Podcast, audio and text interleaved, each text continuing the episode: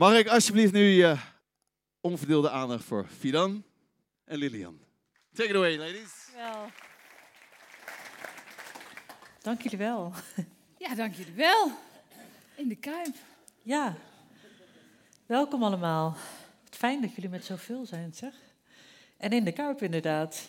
Je bent wel heel erg blij hier, hè? Ik zie gelijk al uh, goede volk zitten. Wij zeiden net nog tegen elkaar, eigenlijk hadden we allebei ons uh, Feyenoord-shirt aan Ja, nou kijk. Ja, ja. Ja. Nou, ik heb er wel aan gedacht, maar ik dacht dan moet ik even gaan zoeken. En eh, goed, ik heb wel een reputatie met laat eh, komen, laat ik dat maar niet doen. Maar het had gekund als ik had geweten dat jij ook met hetzelfde idee eh, speelde. Ehm, wij gaan vandaag praten, vanavond praten over jouw boek. Ja. Zijn er al mensen die het hebben gelezen hier? Kan dat zijn al? Ja, dat kan wel, toch? Omdat je gaat zo signeren, maar natuurlijk dat kan, want je kan hem al lezen, kopen. Ehm, ik kwam jou een tijd terug tegen. Nou, ik kwam je niet tegen. Ik, ik ging je interviewen voor mijn eh, documentaire. Oh, Het gaat over cancelen en framen en noem maar op. Ja. En toen ben ik naar Os eh, afgereisd om eh, Lilian eh, ehm, te interviewen. En toen vertelde jij al dat je met je boek bezig was. Je was een beetje gestrest. Nou ja, een beetje is misschien te zacht, is misschien zacht uitgedrukt. Ehm, want je moest, eh, ehm, nou ja, je had een deadline te halen. En toen zei ik, hoe, waar haal je de tijd vandaan om ook nog een boek te schrijven? ja, waar, haal je, waar haalde je de Ja. tijd vandaan? ik kan me dat nog herinneren, ja. Dat was een... nou ja, het was een goed gesprek tussen ons. Ja. Maar ik zat vol in dat boek inderdaad. Dus ja, ik heb er best een tijd aan geschreven, eh, afgelopen jaar. En eh, ja, waar haal je de tijd vandaan? Ja, ik had gehoopt en gedacht, weet je, ja, ik doe af en toe een keer een zondagje blokken en een keer Ja. een dag in de agenda kruisen doen. Maar dat werkt dus niet als je Nee. schrijft. Nee. Nou, wat ik vooral Dus ik het is dat je dacht, dit moet gebeuren. Dus dat, Ja. dat, dat het echt vanuit, ehm, nou ja, missie is misschien, vul ik het misschien te veel in. Maar jij vond na vijf jaar leiderschap wel, moet er echt een komen, omdat je je zorgen maakt. Ja, nou niet per se, die vijf jaar had ik niet per se in gedachten, maar wel, ehm, kijk, het is best lastig om eh, een podium te vinden om je verhaal te vertellen in die Haagse heksenketel, zeg maar, waar het heel veel eh, waan van de dag is. eh, nou ja, jou de welbekende Twitter-ophef aan de talkshowtafels, Fidan Ekies. Ja, zeker.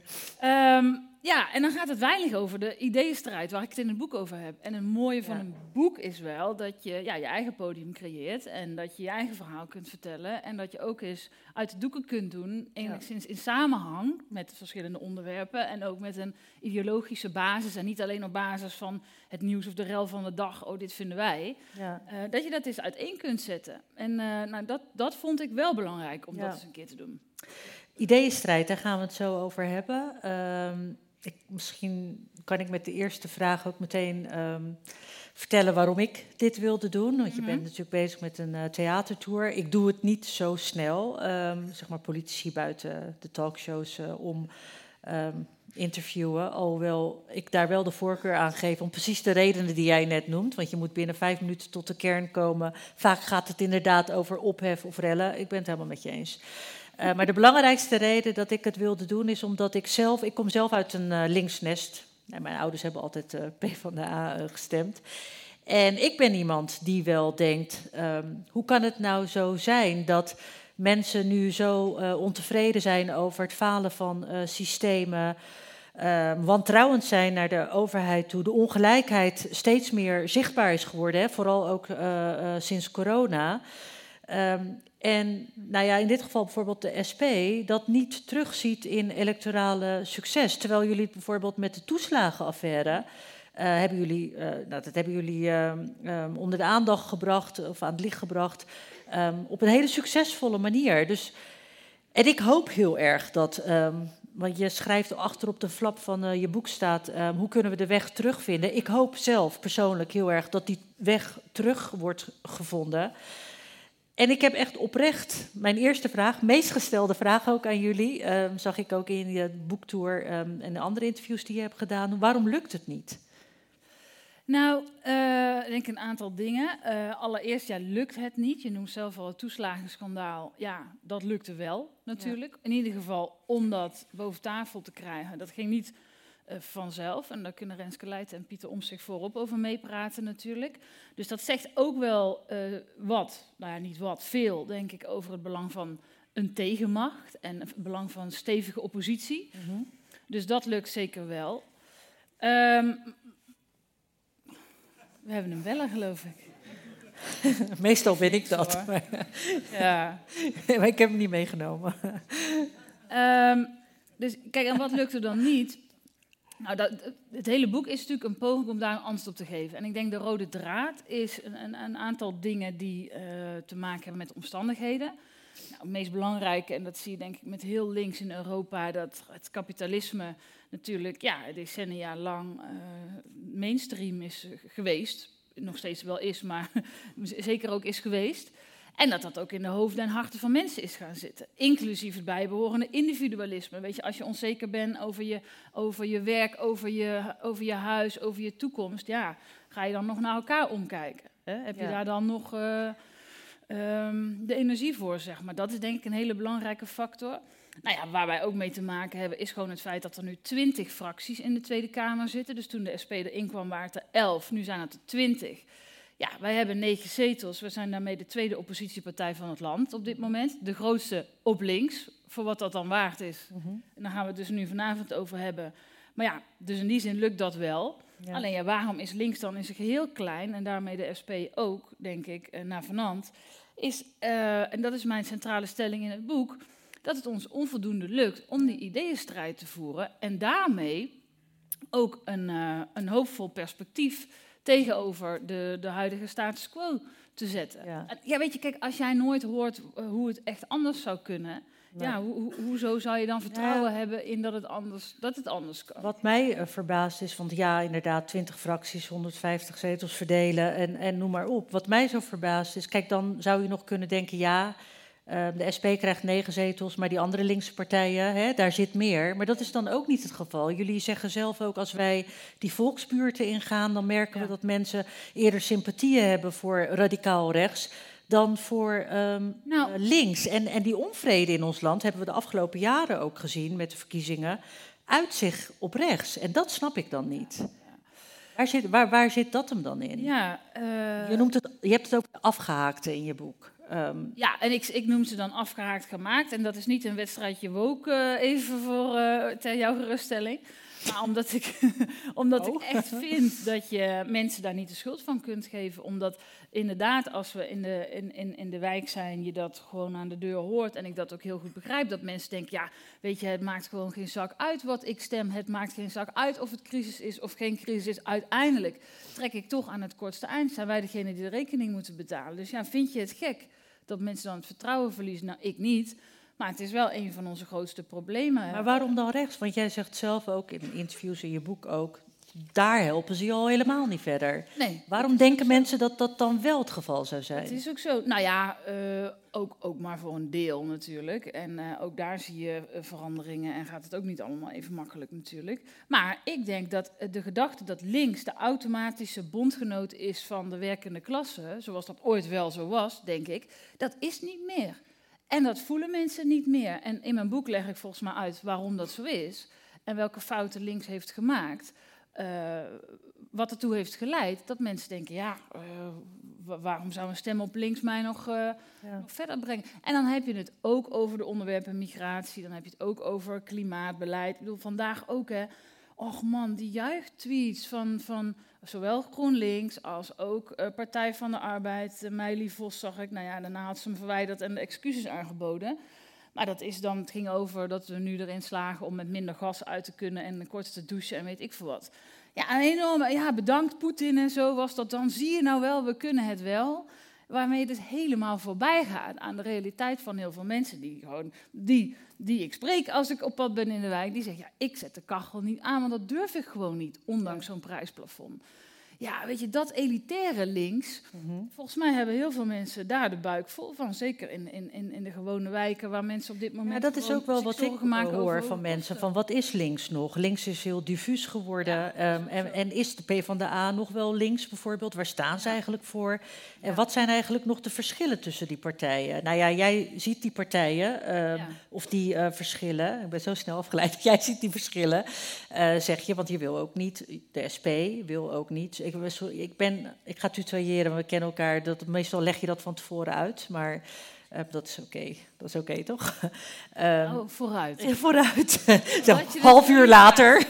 Ineens denk ik, oh, ik zeg geen uur. En, eh, maar, ehm, ehm, wat wou ik nou zeggen? Oh, Jullie links, willen niet met links. GroenLinks en PvdA samen bijvoorbeeld. Nee. Dus daar, de SP Ja. ziet wel verschillen. Terwijl als ik, Ja. en dat werd me nog gevraagd toen ik hier naartoe kwam. Ja, je moet echt even vragen wat dan het verschil is en waar de SP dan eh, ehm, Ja. onderscheid maakt ehm, tussen jullie Ja. partijen, linkspartijen.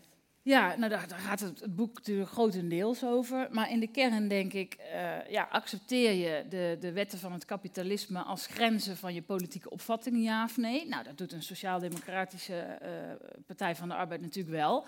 Om over een sociaal-liberale, groen-liberale GroenLinks maar te spreken. eh, niet te spreken natuurlijk. Wij niet. Dat, is een heel fundamenteel verschil. Maar ik denk ook, nou ik noemde net natuurlijk niet voor niks dat, dat actuele voorbeeld, eh, omdat dat natuurlijk vandaag over dat besparen van gasverbruik. Ja, het is, ehm, ja, het is af en toe gewoon heel elitair. Dus het is heel erg gericht op mensen die het goed hebben en zich kunnen permitteren om bijvoorbeeld groene keuzes te maken. En daarmee niet om je af te zetten tegen mensen die dat doen en die ook alleen maar het juiste willen doen, want dat is goed.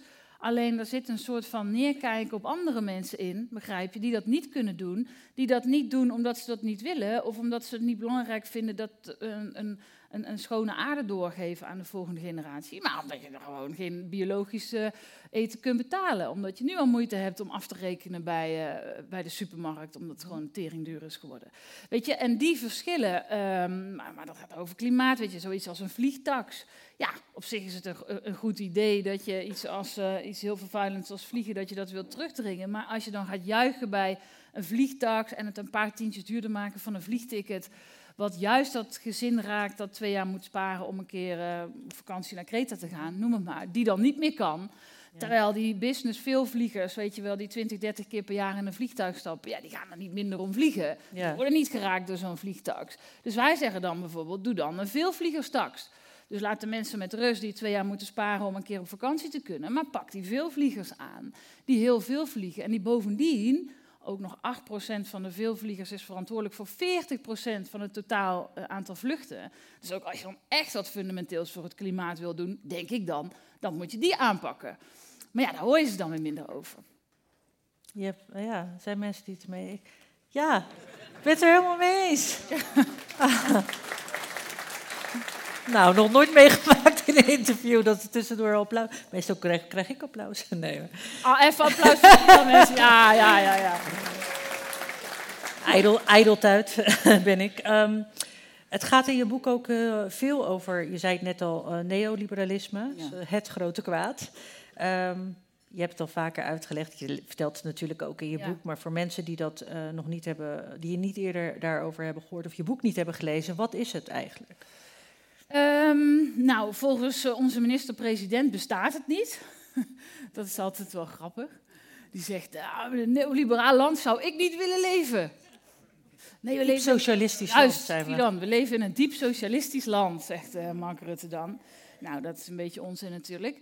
Eh, maar wat is het dan, het neoliberalisme? Ja, als het gaat over de ordening van de economie, daar, daar gaat het grootste deel van mijn boek natuurlijk over. Want ja, wat is er immers meer voorwaardelijk dan een goede samenleving, dan hoe de economie is georganiseerd en of we onze rijkdom een beetje eerlijk verdelen, et cetera. Trickle-down eh Juist, economie, als trickle-down. Dus als het maar goed gaat met de rijken, dan zijpelt dat als vanzelf wel door naar de mensen op de werkvloer. Dat is een beetje de gedachte van de neoliberalen. En op die manier hebben ze ook de economie ingericht. Nou, dat denken is volgens mij totaal failliet eh, gebleken. En dat zie je wel nu, op het moment dat de prijzen Beseffen stijgen. partijen nu ook, toch? Gevestigde partijen beseffen dat ze. ook. Zeggen ze. Nou, VVD zelfs, bij monden Ja, van eh, ja, Dijkhoff. ja. Dijkhoff is al begonnen over de wederkerigheid van bedrijven. Irma. Segers. Ja, klopt. klopt. Dus, maar, dus dat denk ik over het economische deel. Nou ja, een, een ander deel is toch het, een, ja, het, het, echt wel het fundamentalistische geloof in het marktdenken. Dus hoe meer je aan, aan de markt overlaat, en daarmee bedoel ik uh, het organiseren van concurrentie, gaan we het zo misschien nog wel over hebben, tot aan in de publieke sector aan toe.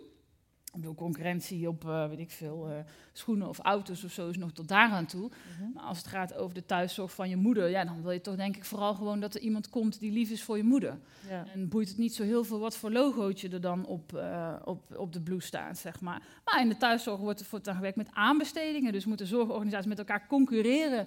En wie dan de laagste prijs heeft, wie het beste kan inschrijven, die wint het werk. Nou, belachelijk, denk ik. Maar goed, dat is denk ik een cruciaal onderdeel van het neoliberalisme. Het heilig geloof in het, in het marktdenken.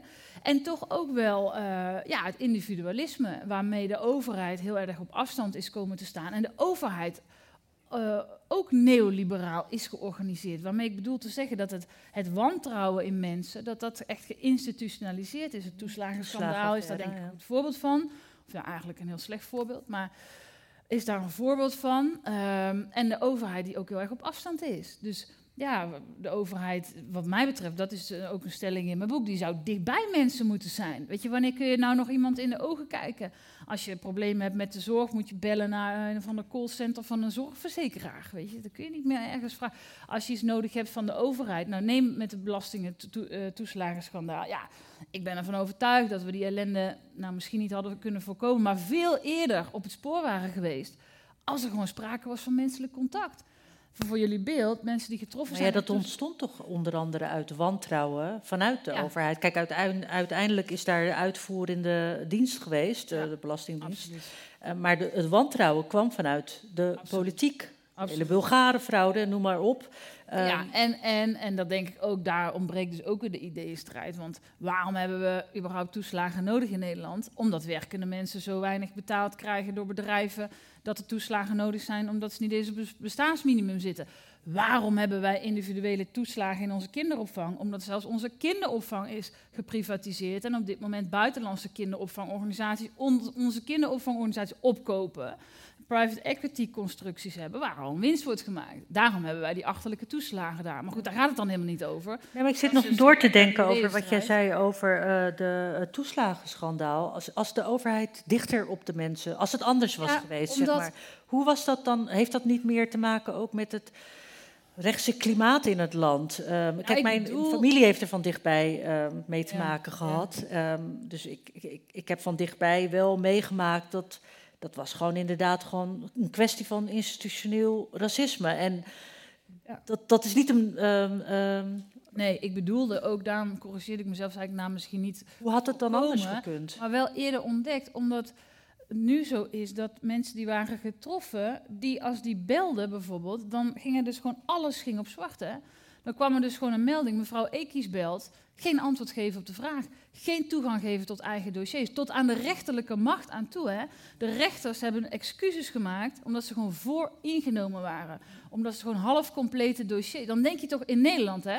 We zijn toch niet in een of andere fucking bananenrepubliek of zo. Als je toch hier voor de rechter moet verschijnen dan krijg je toch een eerlijk proces, een eerlijke kans. Dat is ja. gewoon niet waar. Ja, mensen worden wanhopig en machteloos gemaakt uiteindelijk. Ja, maar ik denk dus als de overheid wel een menselijke maat had gehanteerd, dan had er iemand geweest en die had gezegd, huh?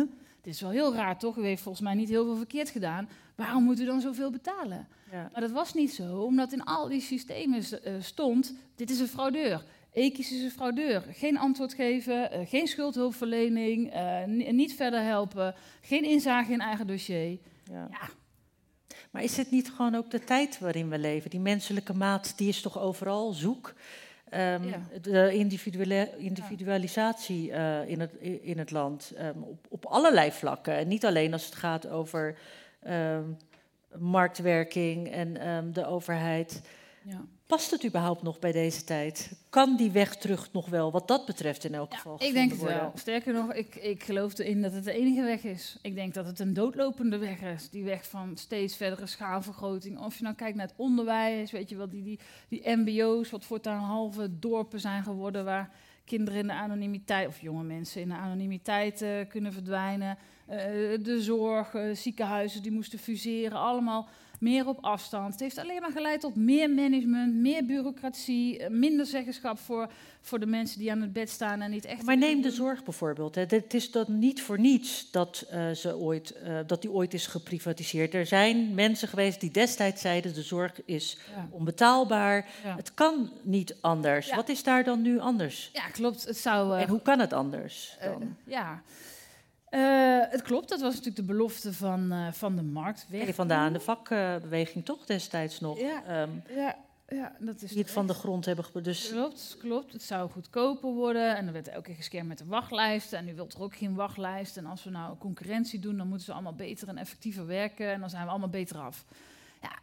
Maar zo werkt het dus gewoon niet in de zorg. Want iedere zorgverlener die kan je uitleggen, als je daar even de moeite mee neemt om te praten, dat als diegene kan samenwerken met zijn collega en kan overleggen en even kan bellen met een collega thuiszorgorganisatie van goh, mevrouw moet overgedragen worden en zo en zo is het geval, dat dat natuurlijk de zorg veel meer vooruit helpt dan concurrentie.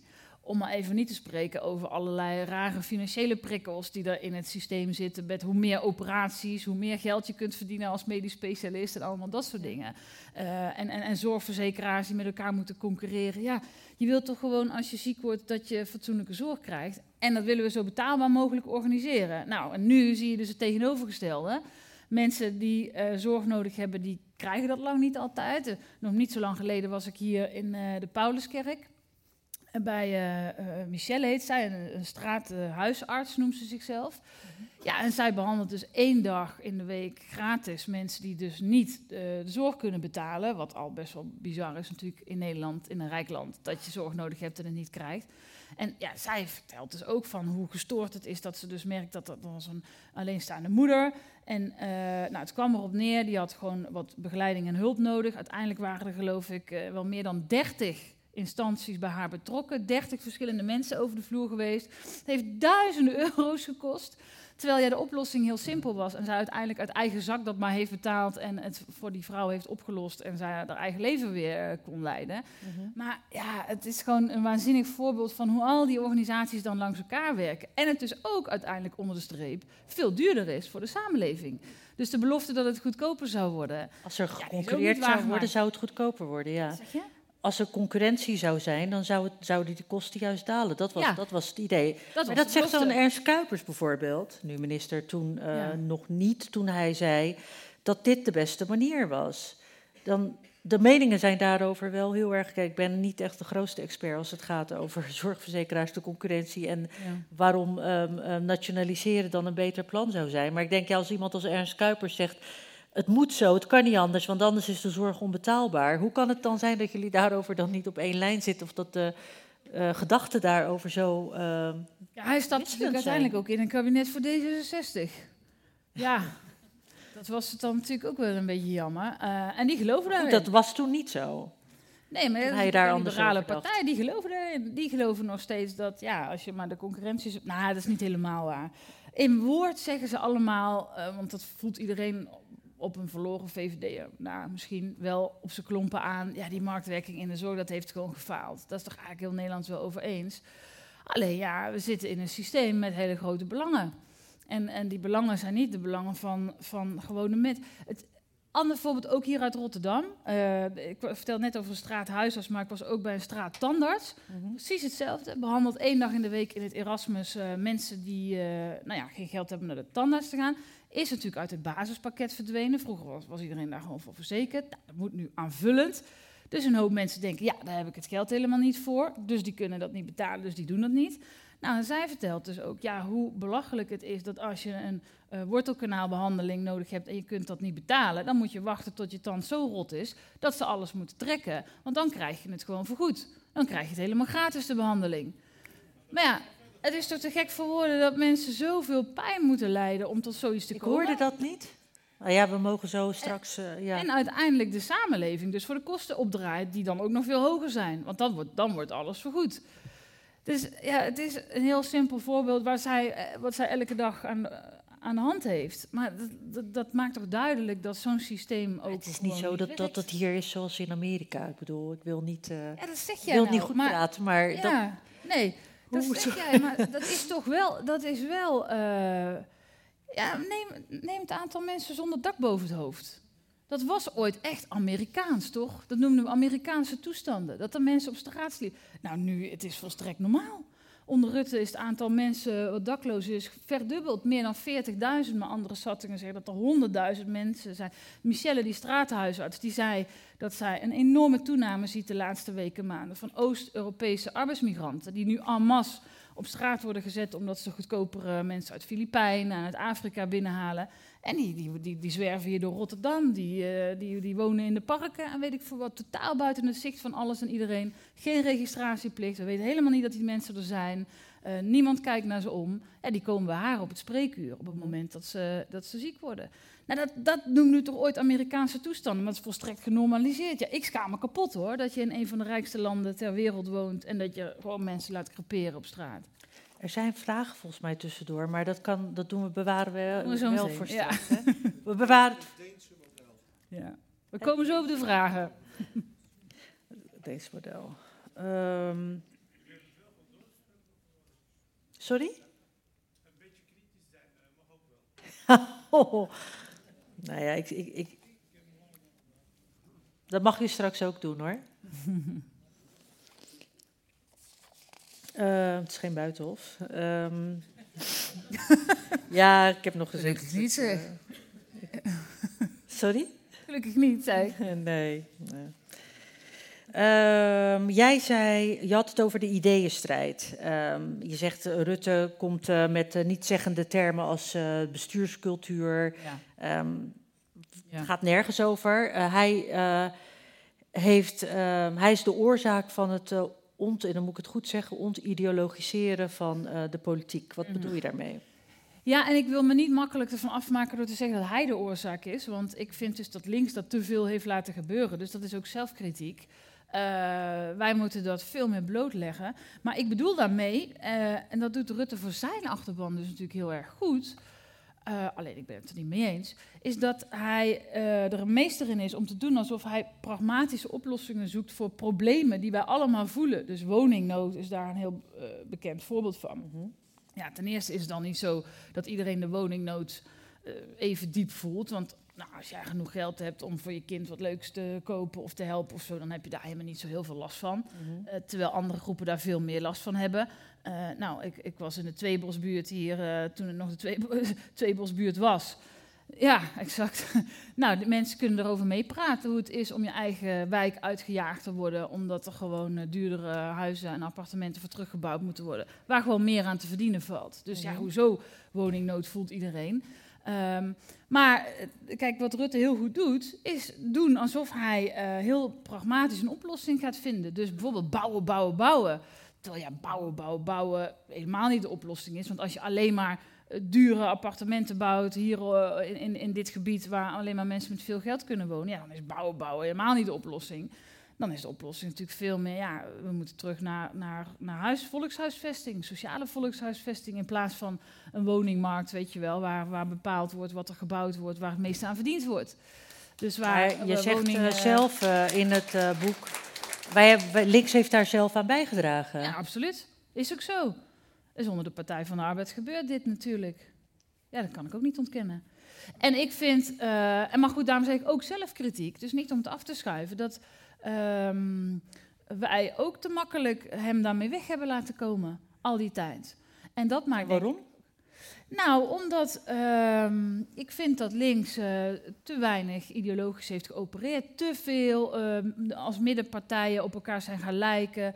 Uh, te veel mee is gegaan. En ja, de Rutte 2 met, met, een, met een grote Partij van de Arbeid en een grote VVD. Let op, hè, mensen. Want het is nu natuurlijk de geveinsde tweestrijd. Wat natuurlijk gaat uitmonden in een 1-2'tje tussen diezelfde VVD en de PvdA. Nou, we weten allemaal wat er gebeurt als zij de grootste worden en samen in een kabinet gaan zitten. Ja, dat was het kabinet dat de verzorgingshuizen sloot. Wat de AOW-leeftijd verhoogde. Wat de hele sociale werkvoorziening heeft uitgekleed. Wat de participatiewet heeft bedacht. Sociale leenstelsel, waar we deze week over gaan debatteren in de Tweede Kamer. Waar ze nu van terugkomen. Mislukt experiment, doe toch maar weer een basisbeurs.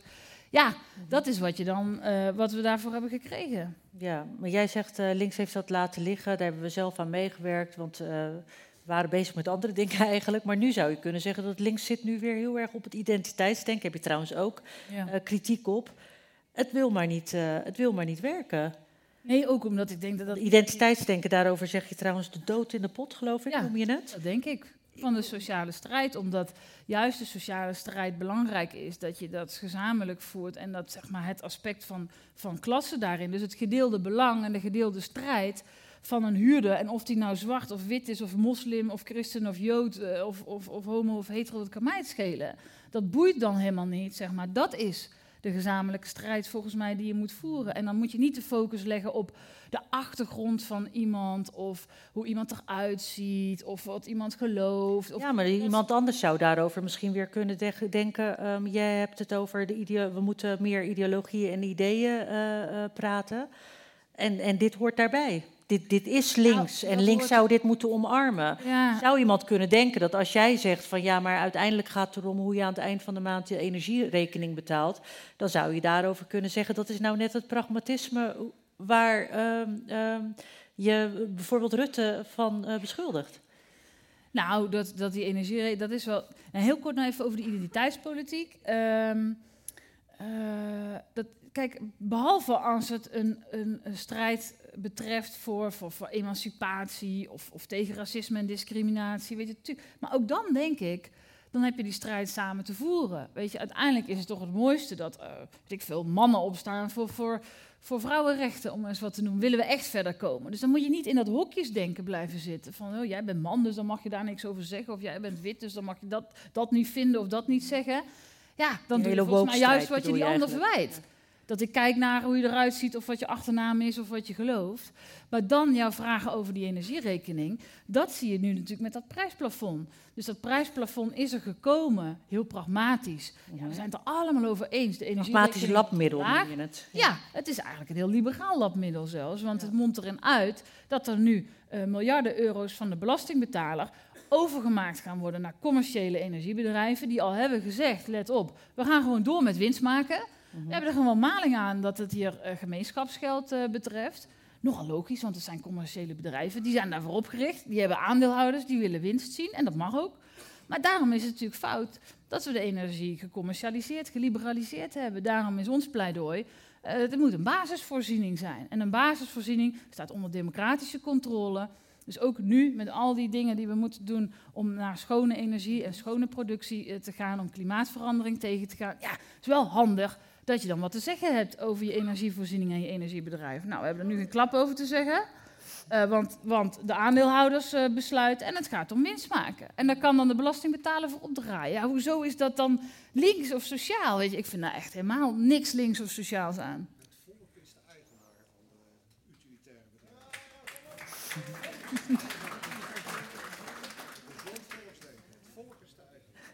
Jij bent goed, je kijkt me echt aan, we gaan door. Ja, jij mag nou de vraag stellen. Daarom- Ja, ik ben heel nieuwsgierig juist naar vragen uit, eh, stellen. uit de zaal. Ik ben ook heel nieuwsgierig of er dan alleen mensen komen die eh, SP stemmen, of juist niet. Zou ik interessant vinden als dat niet zo is, trouwens. Nou ja, goed, maar goed, dat horen we zo. we kunnen wel vragen. Ja, is dat zo? Zijn- Zitten er mensen, die- ja? Nee, dat doen we straks, meneer. Doe eerst maar jouw eh, vragen stellen, Fidan. Want eh, we doen zo de vragen uit de We gaan zo de. Nou, ik vind dat dan zo sneu, want die meneer die staat al. Ehm, ehm, Ja, dan het is niet meer te houden. het is Ja, niet meer te dat, houden. ja. We gaan, eh, ik, ik, ik, wat is je doel? Want kijk, er staat, het eerste deel van het boek gaat over wat misgaat. gaat volgens jou wat mis is gegaan. Hand in eigen boezem ook, eh, hoe links er zelf aan heeft bijgedragen.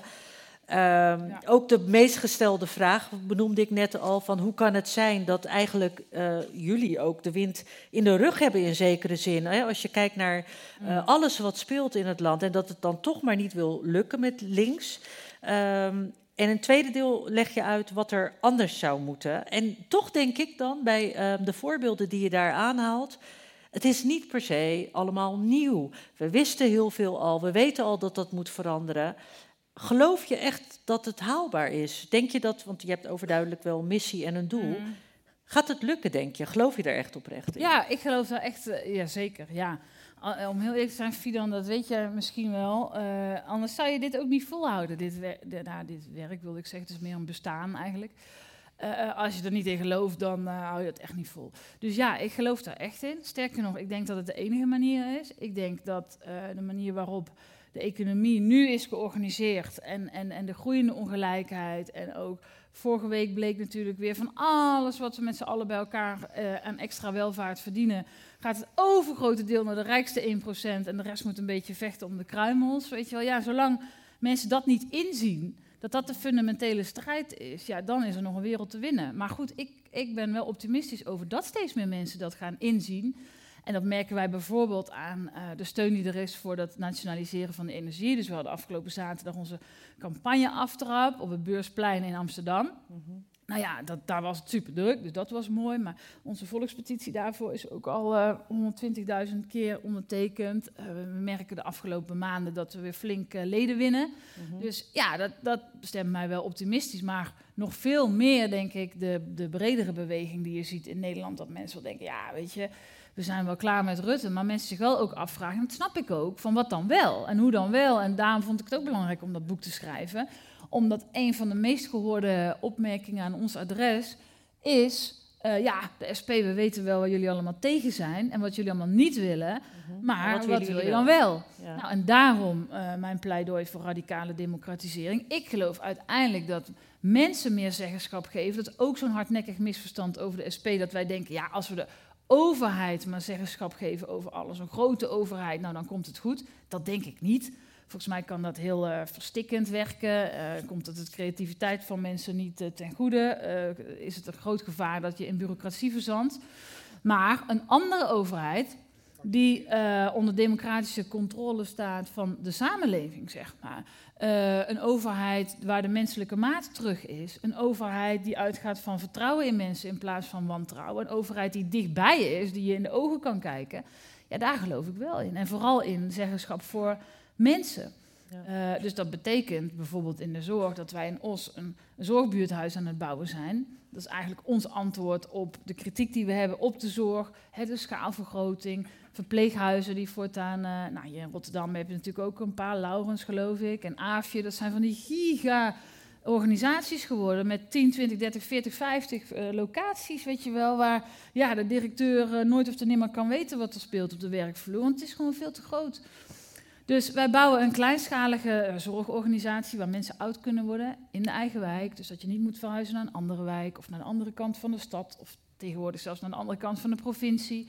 Maar ook, heel belangrijk, met zeggenschap voor de mensen die er werken. Dus niet met die idiote zorgindicaties allemaal. En als er dan iets verandert, dan moet er weer een nieuwe indicatie. En dan moet het weer aangevraagd en wachten. En dan moet er weer beoordeeld worden. Allemaal bureaucratie. Allemaal geld voor zorg dat niet naar zorg gaat. Uh, maar gewoon geef mensen de ruimte om te zorgen voor, voor die ouderen. En heb er vertrouwen in dat ze dat goed doen. En ik geloof dat het dan ook goed komt. Maar tot slot, hè, want ik heb het steeds over. Uh, nog heel één vraag en dan ga ik naar de zaal.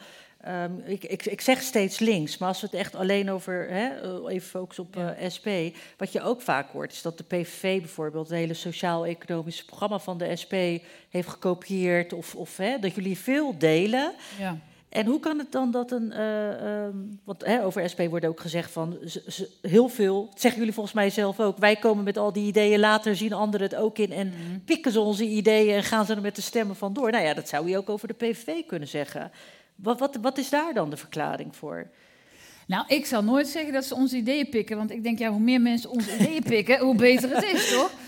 Kopiëren, pikken, hoe je ja, dat nou ja, nou ja, er zitten natuurlijk wel veel overeenkomsten daar. En, en dan kan je je wel afvragen, wat willen, wat willen de kiezers dan?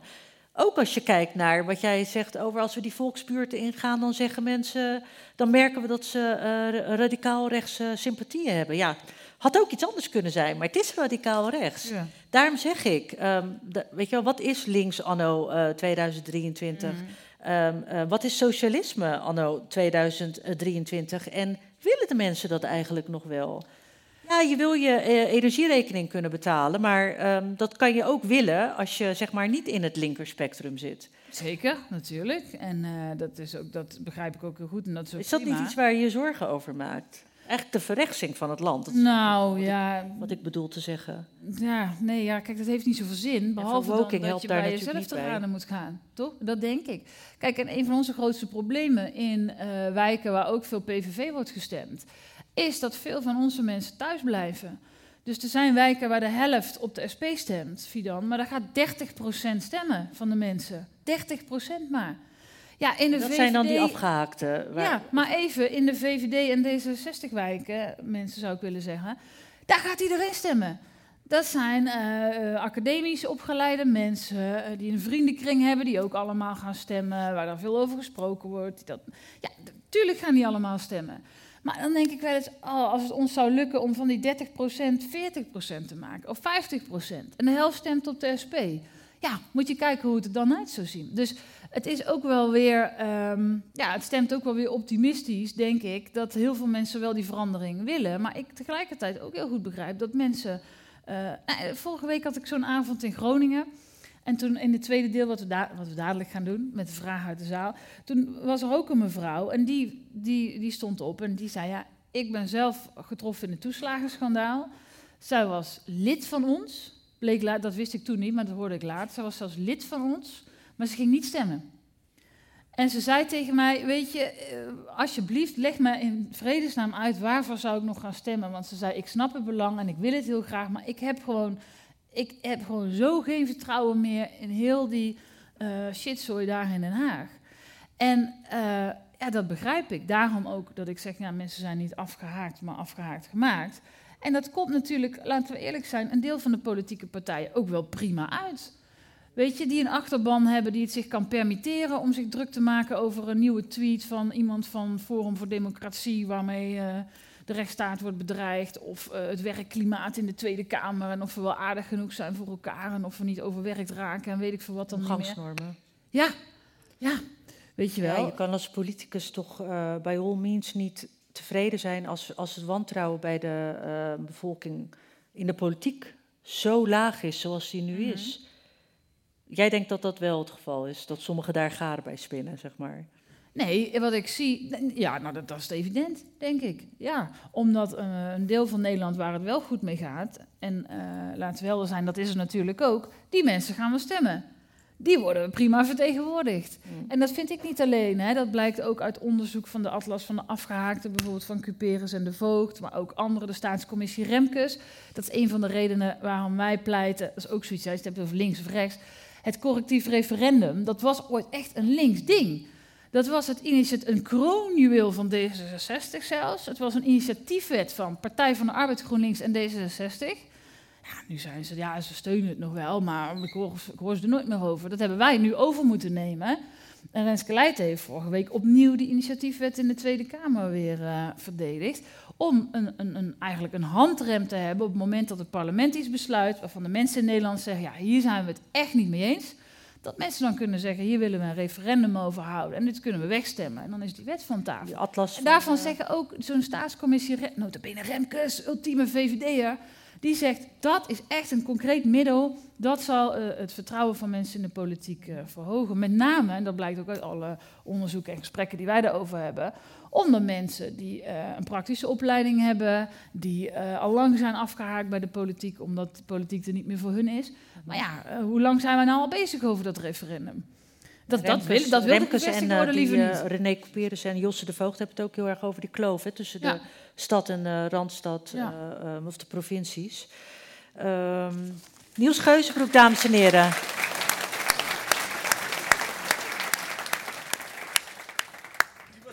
Als we het Ja. over de kloof gaan hebben, dan zijn we weer... Ah, jij stond eh standby, zag ik.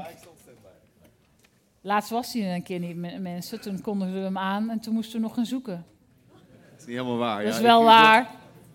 Ben ik dan de enige die met jou in, in, in discussie daarover gaat? Ik heb wel een bijzonder schoen. Ja. Het is eigenlijk een eh, het is eigenlijk tapijt is het eigenlijk. Ik was Niels even vergeten. Dat hoeft. Ik ben je verliefd? Ja. Ik heb mijn schoenmaak 43. Misschien eh te pas je ze. Ja, dat kunnen we doen. Eh, een liedje over... ehm, eh, ja, met z'n allen kunnen we de tijd keren. Het liedje heet eh, Turn the Tide. Ik dacht misschien wel toepasselijk. Komt ie aan. Where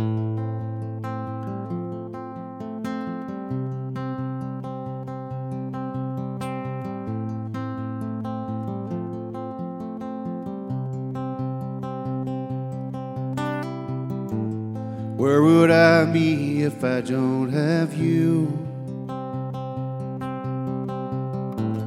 You are the hope that I hold on to. The rope when I'm lost in the ocean, where would I be if you cut me loose?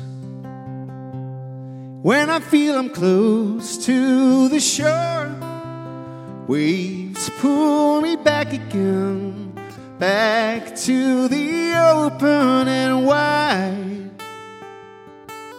When I feel the weight drags me down, waves pull me back again, back to the open and wide. Only you can turn the tide.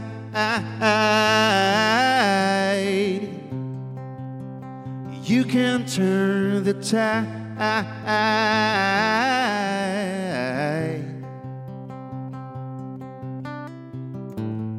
Followed a flare till you found me here. Cold and alone in a sea of fear. Brought me home, you're my sweet salvation. Where would I be if you disappeared? When I feel I'm close to the shore, waves pull me back again, back to the open and wide. When I feel the weight drags me down, waves pull me back again, back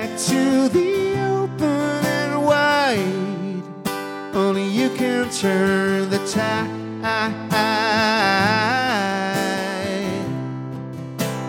You can turn the tide.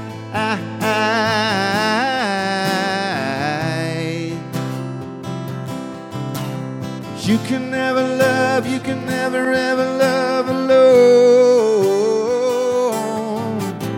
You can never love, you can never ever love on your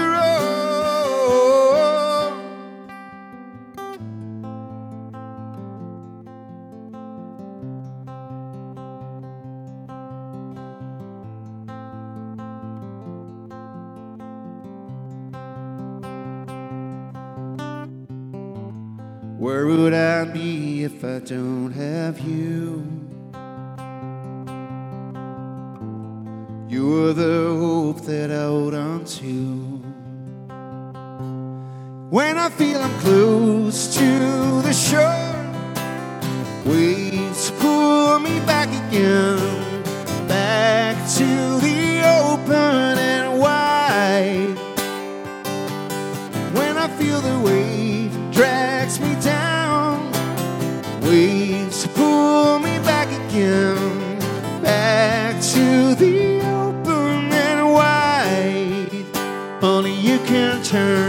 tide.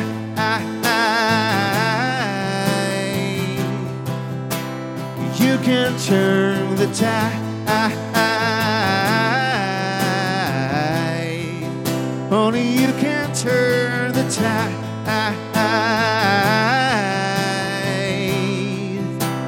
You can turn the tide.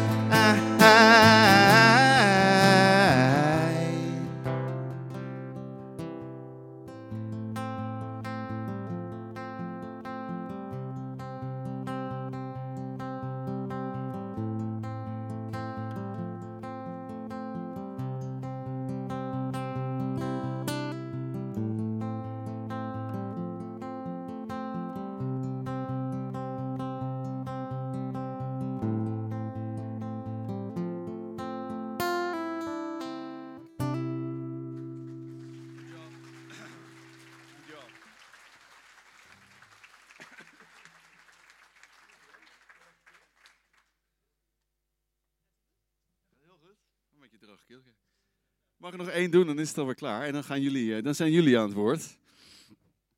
Goed nagedacht over de vragen?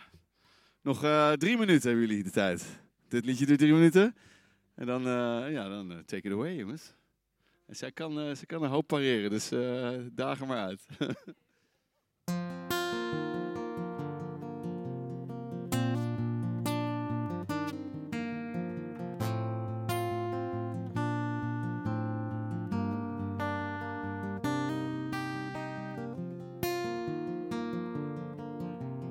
safe and sound. My hands around your body will take it day by day. I'll show you around and guide you through my memories every step of the way. So take your time, girl, just leave it to me and hold on to love. Soon you'll find the world at your feet. Take your time, girl, just leave it to me and hold on to love. I feel you getting closer every beat. So take your time, girl.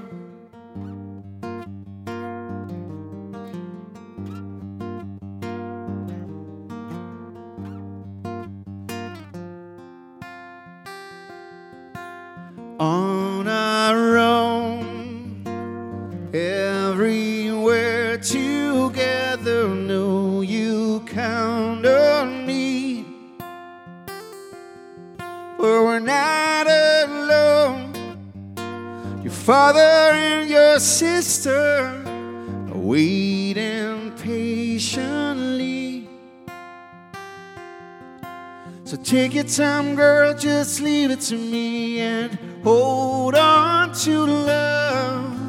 Soon you'll find the world at your feet. Take your time, girl, just leave it to me and hold on to love. I feel you getting closer every beat. Deep in the night when the whole world's asleep. Imagine how you'll be in 2033. And it's all fine by me. Take your time, girl, just leave it to me and hold on to love. Soon you'll find the world at your feet. Take your time, girl, just leave it to me and hold on to the love. I feel you getting closer every beat. So take your time, girl. Take your time, girl. Take your time, girl. Take your time, girl.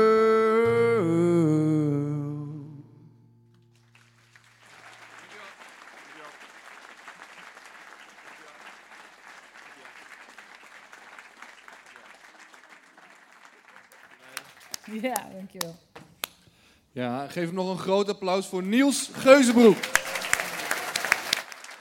En dan is het nu, dames en heren, aan eh, jullie. Ik sta voor de mensen die me niet kunnen zien hier naast het podium, want ik ga de eh, zaal in om eh, nou, jullie vragen op te halen. Ehm, je mag je vraag stellen zolang ik mijn microfoon voor je gezicht hou. En ik waarschuw vast, we hebben maar tot half tien. Dus eh, ik eh, kan waarschijnlijk niet elke vraag beantwoorden, dus ik ga snel beginnen. En ik begin dan hier, daar zie ik al de eerste vraag. En dan ga ik zigzaggend door de zaal heen en dan hoop ik half tien daar bij Emin uit te komen. Emin is eh, van de lokale SP-afdeling en die heb ik de laatste vraag beloofd. Zodat jullie weten wanneer we klaar zijn. En dan gaan we hier beginnen. Zeg even wie je bent en stel je vraag. Eh, ja, ik ben Maurits Hondman. Eh, in jouw boek noem jij een cijfer van eh CE Delft dat 80% van klimaatssubsidies bij rijke huishoudens te- terechtkomen. En Donald Pols noemde ook zaterdag bij, bij ons protest hè, dat Tesla-rijdend tevreden Nederland, die vooral D66 en, en VVD stemmen. En mijn vraag is eigenlijk, hoe kunnen wij ervoor zorgen dat, hè, dat tevreden Nederland ook realiseert dat zij er baat bij hebben eh, als wij in een socialistische samenleving, samenleving wonen. Hm. En is dat wel zo? Hebben ze daarbij baat bij? Goh, goede vraag zeg. Eh, nou, laat ik met het laatste beginnen. Ik denk ja. Ik denk uiteindelijk dat iedereen baat heeft bij een samenleving waarbij we de ongelijkheid terugdringen en we ook naar elkaar omkijken. Dat denk ik. Maar goed, dat is natuurlijk ook een beetje hoe je in het leven staat. En nou, daarom hebben we gelukkig een democratie en kan iedereen kiezen wat hij wil. Dan jouw concrete punt over de, die klimaatsubsidies. Ja, ik vind dat wel een eh, goed voorbeeld van hoe nou ja, ook linkse partijen denk ik een afslag hebben gemist.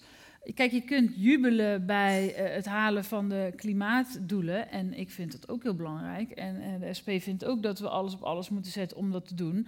Maar je kan dat doen door grote uitstoters uh, te normeren en ervoor te zorgen dat nou, de tien grootste uitstoters in Nederland die uh, veroorzaken meer vervuiling dan alle huishoudens bij elkaar. Dus de vraag is ook, ja, waar is het effectief dat je begint? En het is natuurlijk, we zijn allemaal toch een soort van, ja, ik in ieder geval, opgegroeid en groot geworden met een beter milieu begint bij jezelf. Wie kan die slogan zich niet herinneren? Dat is natuurlijk grote onzin. Een beter milieu begint helemaal niet bij jezelf. Je kunt wel allemaal je steentje bijdragen. En het is fijn als je dat kunt, dat je dat doet. Maar een beter milieu begint natuurlijk bij Shell. Op het moment dat we de grootste uitstoters laten uh, wegkomen daarmee, en dat is natuurlijk jarenlang gebeurd. Uh, maar tegen mensen zeggen, ja, u moet dit en u moet dat. En die klimaatsubsidies zijn daar een voorbeeld van. Want inderdaad, 80% van de klimaatsubsidies komt terecht bij de 20% rijkste mensen. Dat is toch een beetje gek. Je zou denken, ja, het zou precies andersom moeten zijn. We zouden mensen met weinig geld moeten helpen om schonere uh, keuzes te maken. Dus je zou denken, ja, daar zou het grootste gedeelte van die subsidies naartoe moeten. En ja, en dat is eigenlijk maar één van de onrechtvaardigheden die er in dit klimaatbeleid zitten. En dat maakt, denk ik, dit klimaatbeleid ook heel neoliberaal. Ook dat hele klimaatfonds, daar gaan er weer miljarden naartoe. Ja, ik denk dan, laat bedrijven eerst dus hun grote winsten inzetten en dwing ze om schoner te produceren. Ze hebben jarenlang de wereld vervuild. Jarenlang zijn ze daar stinkend rijk van geworden. Is het dan zo gek dat we iets terugvragen van die grote bedrijven? Is het dan zo gek dat we zeggen, nou, doe nu even een jaar geen uitkering aan je aandeelhouders. Ga even zorgen dat die fabriek schoner gaat produceren. Maar nee, dat, dat is dan niet de bedoeling.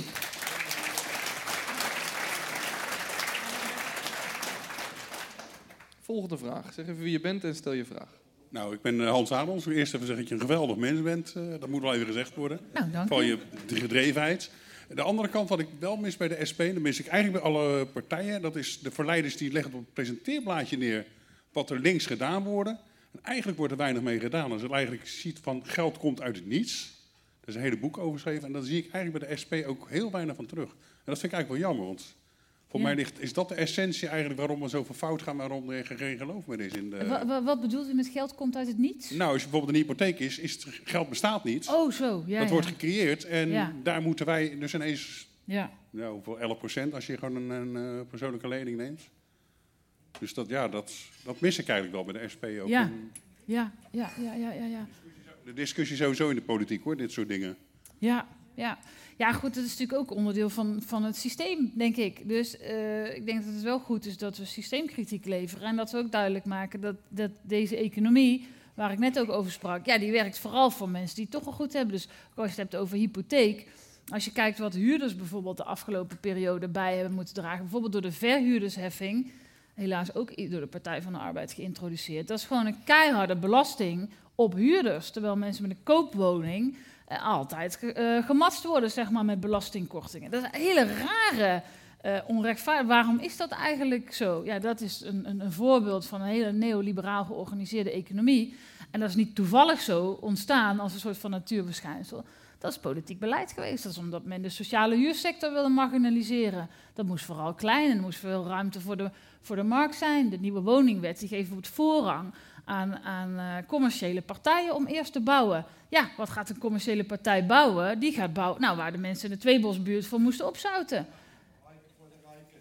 Ja, wijken voor de rijken. Ja, dat is wat er dan gebeurt. Ja, doet hij het. Uh, ik ben Arjan en ik heb eigenlijk een vraag niet aan Lidian, maar aan Fidan. Zo is de naam toch, hè? Nou, ja. ze is er toch vanavond. Dus. Uh, mag u ook mee beslissen met de onderwerpen die bij op één uh, op de tv komen? Want het is toch van een zotte... Ik weet het antwoord. Het is toch van de zotte dat iemand die met een fakkel bij kaart voor de deur uh, komt lopen... zo uitvoerig in het journaal komt... en mensen die echt wat te zeggen hebben, zoals Lidian...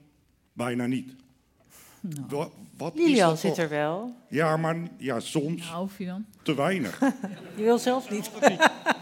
Nee, nou, als ik daar één ding over mag zeggen. het- Oh god. serieus, dit boek, ja, niet om jou. Dit boek niet? Nee? Nee, ja, op één, ik, eh, nou ja, het leek mij wel leuk om bij op één te vertellen over het Wij boek. doen alleen D66. Toen werd er weet je gezegd, toch? ja, nee, toen werd er gezegd, je mag komen met je vader. Oh, echt? Alleen met je vader. Ja, en toen heb ik gezegd, joh, maar als je het niet heel erg vindt, ik heb een boek geschreven, niet mijn vader. Nou, toen hoeft het niet meer voor op één. Nou ja, het is lastig om eh, antwoord te geven op zo'n vraag. Er zijn natuurlijk meerdere eh, omroepen die daar besluiten, meerdere omroepbazen. ehm, dus ik heb zeker geen. Natuurlijk wel over de avond zelf, over onze eigen uitzending. Maar er zijn eh, net iets te veel mensen die beslissen op die plek. Net politiek, toch, die omroep? Politiek. Ja. Nou, breek me de bekken niet over, maar ik mag er niks meer over zeggen. Net iets te vaak eh, uit de bocht gevlogen. We gaan eh, snel door naar de volgende Blijf vraag. dat doen, blijf dat doen. Eh, Jan Baas uit het eh, prachtige Zuidplas, hier vlak buiten Rotterdam.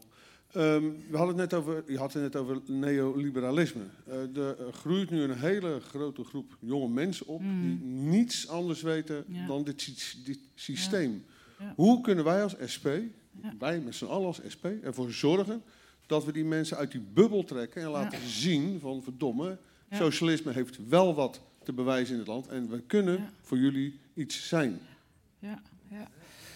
Zeer, eh, ja, terecht zegt hier iemand vooraan, dat is een hele goede vraag. Ehm, want het is denk ik een centrale vraag ook waar ik eh, elke dag mee bezig ben.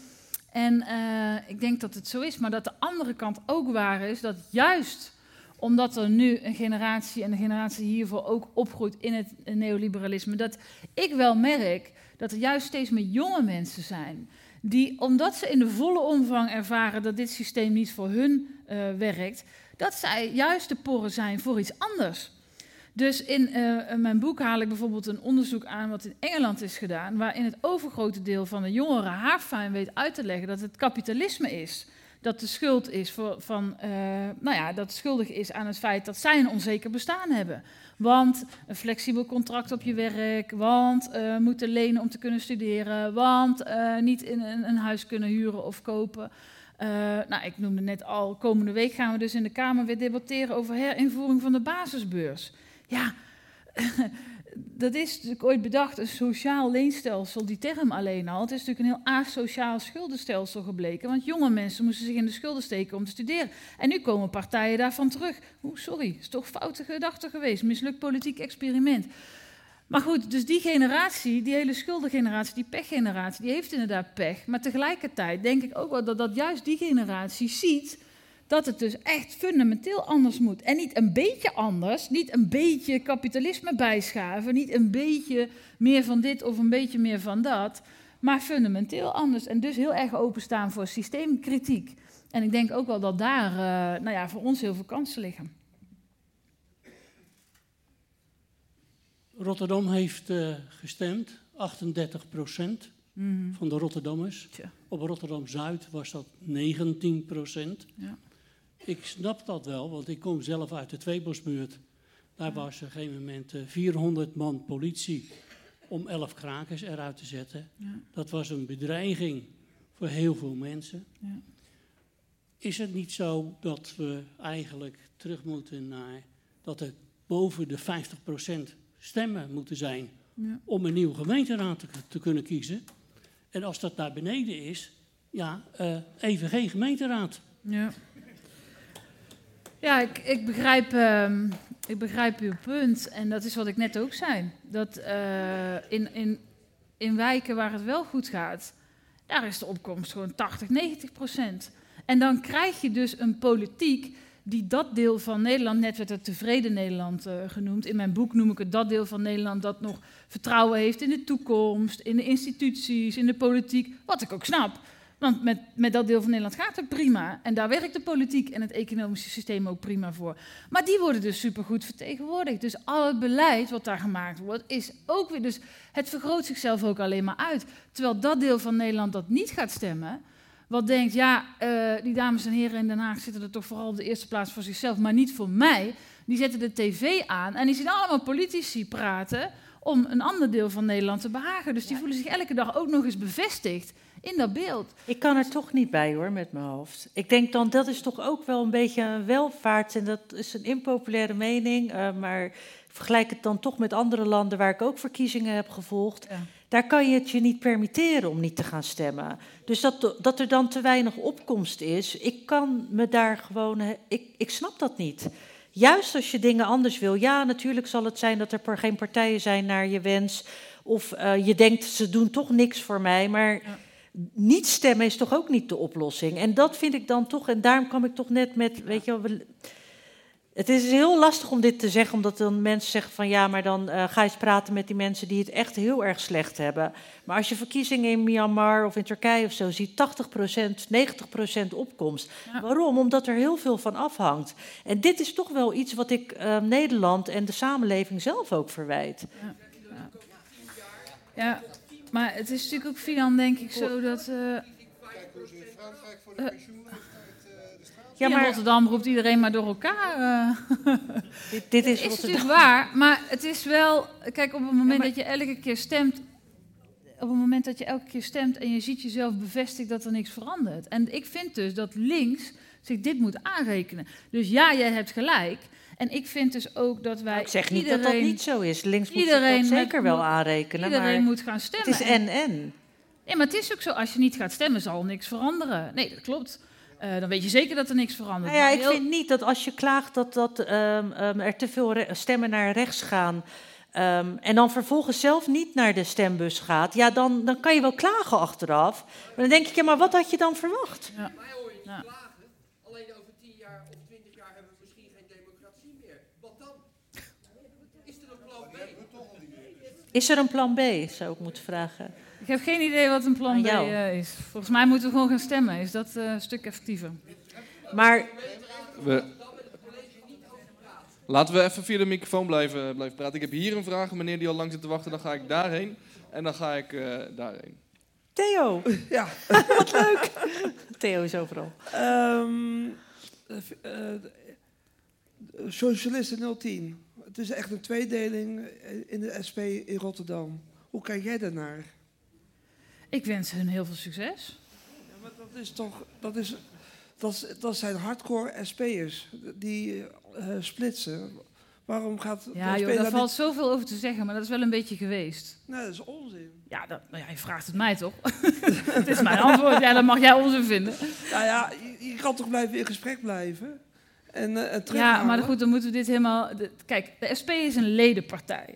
En in een ledenpartij besluit je democratisch. En op het moment dat je democratisch wat besluit, bijvoorbeeld dat je iemand zich aan de spelregels moet houden, of nou, maakt niet uit, dan doen wij dat. Kijk, en ik ben uh, degene die dat mag vertellen, dat geluid, maar ik vertegenwoordig die partij. Dus ik heb te vertellen dat wat de leden mij vertellen. Dus dat doe ik hier ook. Ja, u schudt nee, maar ja, zo werkt het bij ons.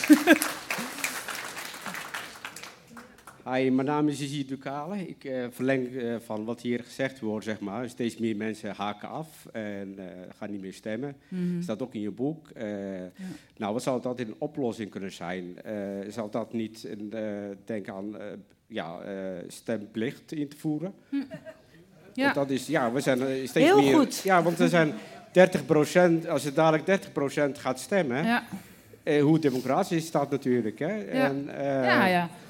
Ja, daar wordt hier heel hard gelachen, maar in België is dit natuurlijk aan de orde. Hebben ze een stem, een, een opkomstplicht. Dus je, je bent verplicht om uh, op te komen.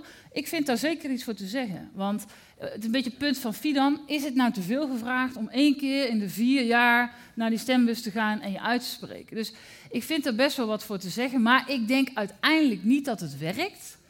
Uh, omdat ik toch denk dat ja, die ideeënstrijd, waar ik het over heb in het boek, uh, dat dat uiteindelijk het enige antwoord is. Dat mensen echt denken, ja, er is een andere wereld mogelijk, dat mensen dat perspectief zien, dat mensen de hoop hebben op verandering.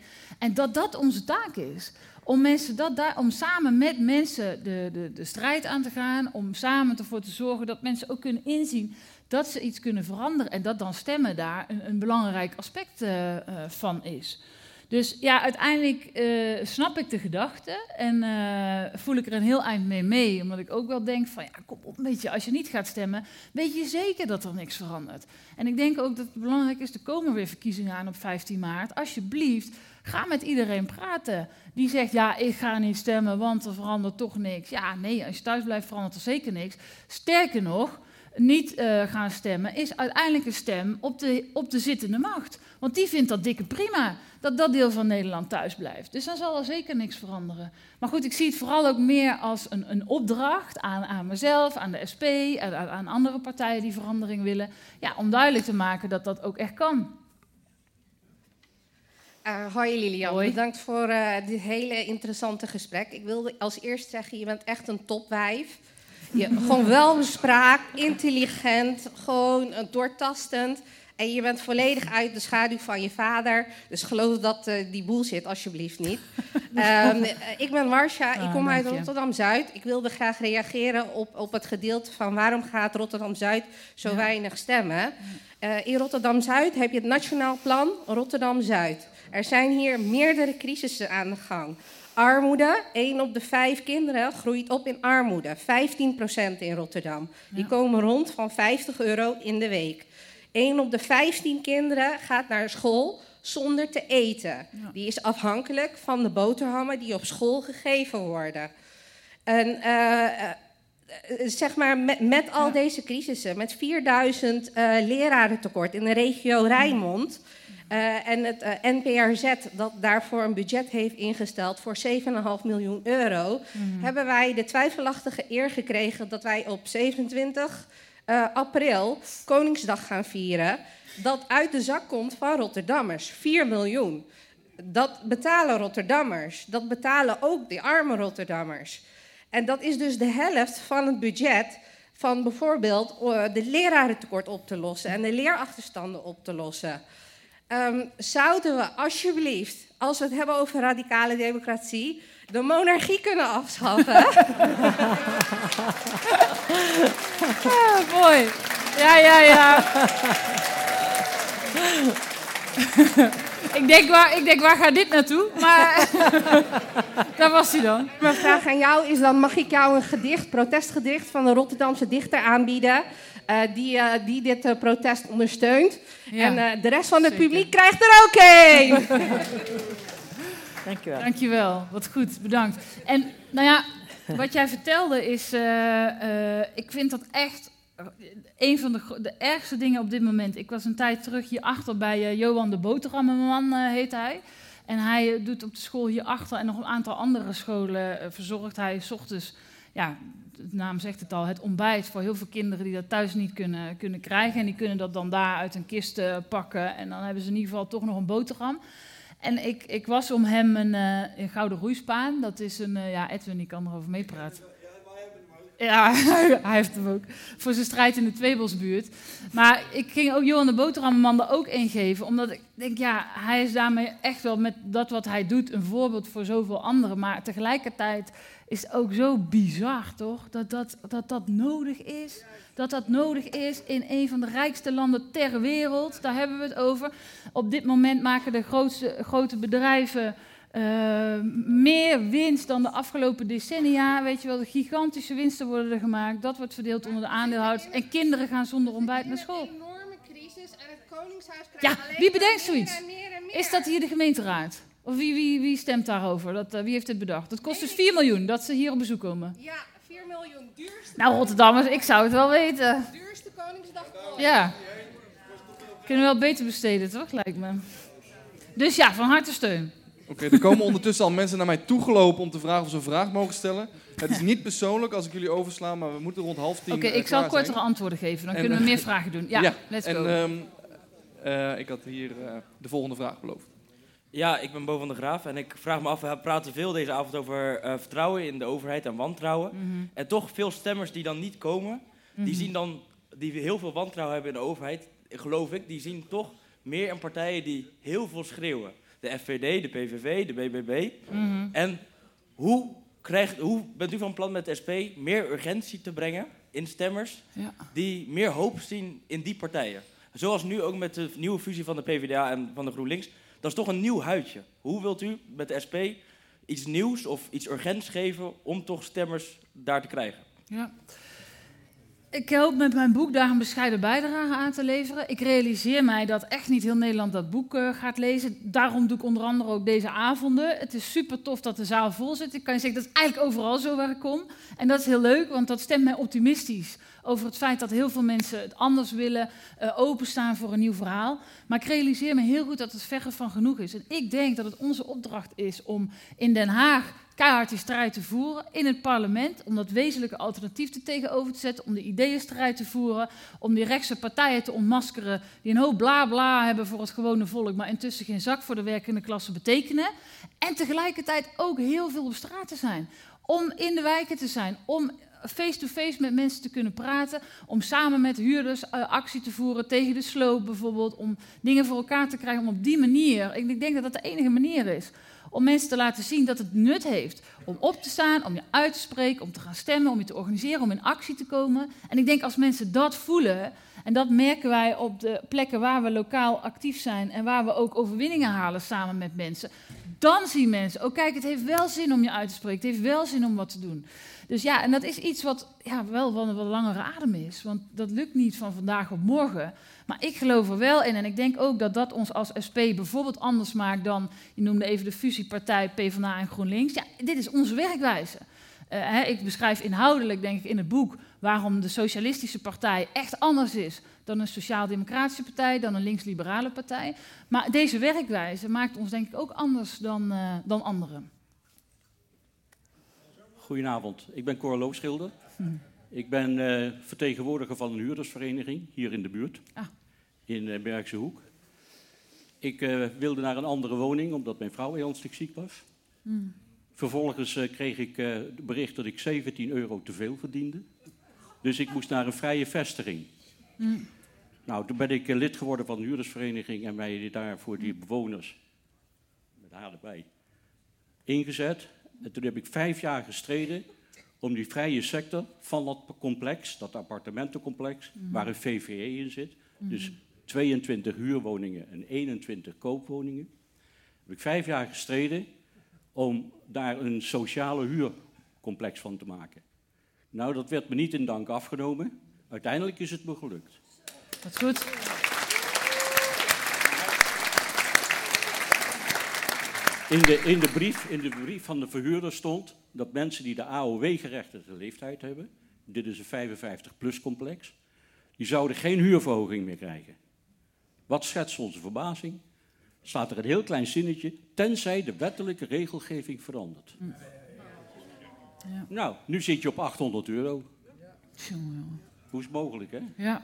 ja. Maar dat komt ook omdat men murf is gemaakt in dit land. Er is geen strijdbaarheid meer. Ja. Men vindt het allemaal, ja, het helpt toch niet. Ja. Nou, je kunt de boer op gaan. Ik heb nu in het complex gemerkt dat ook daar men zegt, zie je wel, het helpt toch mhm. niet. Mm Ja, en ik snap dat ook. Dus ik, ik, ik heb daar geen oordeel over. Nou ja, ik snap wel wat jij daarover zegt. Maar ik heb daar geen oordeel over. En ik denk dat het aan ons is om te laten zien dat het wel werkt. Dus we hebben vorig jaar uh, samen met huurders gestreden voor huurbevriezing. Dus een huurstop, geen huurverhoging voor sociale huur. En uiteindelijk is dat gelukt. Door keihard vechten van Sandra Beckerman van ons in de Tweede Kamer, Tini Cox in de Eerste Kamer en heel veel acties met huurders, is het uiteindelijk gelukt om de huren een jaar te bevriezen. Maar ja, het is natuurlijk niet genoeg. Want de huren moeten omlaag, ze zijn nu veel te hoog. Dit jaar stijgen ze gewoon weer door. En in mijn boek doe ik het voorstel om bijvoorbeeld die, die vrije huur, die natuurlijk helemaal geen vrije huur is, want het klinkt heel leuk hè, vrije huur. Het is gewoon commerciële huur, dure huur. Um, wat woorden ook dan weer doen, om dat gewoon af te schaffen. Waarom bestaat dat eigenlijk? Waarom vinden we eigenlijk dat je winst moet maken op een woning? Waarom stappen we daar niet gewoon vanaf? Je mag winst maken op van alles en nog wat, maar niet op onze, op onze woningen. Waarom kan een verhuurder een complex neerzetten die gedeeltelijk wordt betaald door de koopwoners? Ja. En dan gaan we bij ons de huur omhoog. Ja. Hoe is het mogelijk? Die zijn aangesteld om een sociale huur te ja. bouwen. Laatste vraag. Ja. Nee, die verhuurders die zijn aangesteld vroeger om een sociale huurwoning te maken. Ja. En wat hebben ze gedaan? Ze zijn projectontwikkelaars geworden. Ja. En daar zitten we nu mee. Maar ik denk dus ook als je dus het boek is een pleidooi voor democratisering en meer zeggenschap voor mensen. Als je het hebt over wonen, geldt dat bijvoorbeeld voor huurders. Ik denk, als we huurders weer zeggenschap geven over wat we ooit de woningbouwvereniging noemden. Een vereniging heeft leden. Het is niet voor niks zo dat nu een corporatie heet, woningcorporatie. Een, woningbouwvereniging heeft leden en huurders hebben daar zeggenschap over. Dan kunnen huurders daar een stokje voor steken. Dan kunnen huurders zeggen, wij willen niet dat die tweebosbuurt wordt gesloopt, want wij wonen hier prima. En dan kunnen huurders zeggen, nou wij willen dat er eh, sociaal wordt gebouwd, want daar is behoefte aan. En dat zijn volgens mij systeemoplossingen. En dan ga je weg van, van de labmiddelen en dan ga je toen naar zeggenschap voor mensen. Ik sta hier bij eh Emin. Eh, Emin is voorzitter van de SP in Rotterdam. Eh, vrijwilligers van jullie afdeling helpen ook mee vanavond. Ben je een beetje tevreden zo met de opkomst? Ja, dat is een hele mooie opkomst. eh, hele mooie discussie. We hebben over veel zaken gehad. Eh, ook sociale strijd eh, vond ik heel mooi om te horen. Sowieso de Tweebosbuurt is genoemd. eh, de mensen hebben ook al gehoord waar het over ging. Heel veel Mhm. sociale huurwoningen zijn daar gesloopt. En de mensen zijn eh, uit hun buurt gejaagd eigenlijk. Eh, en heel weinig mensen mogen dan terugkomen in hun eigen buurt. Dat is natuurlijk verschrikkelijk. Eh, en Edwin, natuurlijk, een strijder. Edwin heeft zo mooi gestreden ook voor zijn buurt natuurlijk. Uiteindelijk is het niet gelukt. Maar je ziet gewoon hoe de solidariteit in de stad ook is, zo goed is georganiseerd. Om nu ook bij, dat er bij alle sloopplannen in, in, in Rotterdam eigenlijk iedereen gewoon verschijnt. Ja. En ervoor zorgt dat die plannen gewoon tegengehouden kunnen worden. Dus je ziet dat we dan toch gewoon, eh, eh, sterker door strijd worden eigenlijk. En ook in je boek beschrijf je dat ook eh, natuurlijk Mhm. heel mooi. Ook hoe je langs ging eigenlijk bij Edwin. veranderen. Zeg alleen het rechtssysteem moet veranderen. Want de rechters denken alleen maar aan de centen. En niet aan de mensen, want dat werd er bij de rechtszaak gezegd over onze wijk. Ik vind gewoon dat iedereen eh, op moet staan voor de huizenmarkt. Iedereen. Of je nou tegen, tegen voor sociaal woning. Of je nou eh, veel geld hebt of niet. Gewoon, want eh, de rechter hebben al gezegd, als eh, wij hadden blijven zitten, iedereen had blijven zitten, hadden wij niet weggegaan. Maar omdat te veel mensen weg zijn gegaan, heeft de rechter gezegd, jullie moeten mij weg. Want geld is belangrijker dan mensen. Ja. Heel mooi gezegd, Mirjam. Want eh, het is verschrikkelijk natuurlijk wat daar is gebeurd. Want die mensen worden helemaal gesloopt hè, door die sloopplannen. eh. maar Edwin, Mirjam en... Ja, maar ik heb mijn vraag, om, om mijn vraag te komen. Hoe was het eigenlijk voor jou, Lilian, om op bezoek te gaan eh, gewoon bij de Tweebosbuurt? Om die woningen zo Oh. gesloopt te zien? Nou, ik ben een aantal, eh, een aantal keer eh, geweest. Onder andere Edwin en Mirjam ontmoet. Maar ik vond het heftig, omdat wat jullie ook zeggen, het is, ze proberen mensen te verdelen. Dat is, dat is wat er hier is gebeurd. Dus er zijn inderdaad eh, mensen op een gegeven moment vertrokken. En dan vervolgens wordt er gezegd, ja, die zijn al weg en die zijn al weg. Dus ja, u kunt hier ook niet meer blijven wonen. En wat je natuurlijk ook ziet, wat er heel vaak gebeurt. Jarenlang wordt er dan niet geïnvesteerd in de huizen. En dan wordt er gezegd, ja, ja, nu is het zo eh, slecht, staat het er allemaal voor. Nu kunnen we het beter slopen. En vervolgens hebben mensen geen zeggenschap over wat er dan eh, teruggebouwd wordt. Dus wat er dan teruggebouwd wordt is allemaal duurder. En dan krijg je dus inderdaad dat gewone mensen de stad uit worden gejaagd. Mensen die jarenlang hebben gewerkt, die deze stad mee op hebben gebouwd. Ja, ik vind dat heftig, maar tegelijkertijd, Emin, ook inspirerend. Want, even ook richting jou, Edwin. Die Tweebosbuurt is natuurlijk wel landelijk een voorbeeld geweest voor heel veel andere huurders die nu naar jullie kijken als voorbeeld van ja, zo kan het ook. Je hoeft je er dus niet bij neer te leggen. Je kunt je organiseren, je kunt in actie komen en uiteindelijk kun je het ook winnen. Dus ik weet hoe het voor jullie is afgelopen, maar ik wil wel tegen jullie zeggen, eh, wees trots op jezelf. Dat niet alleen, maar...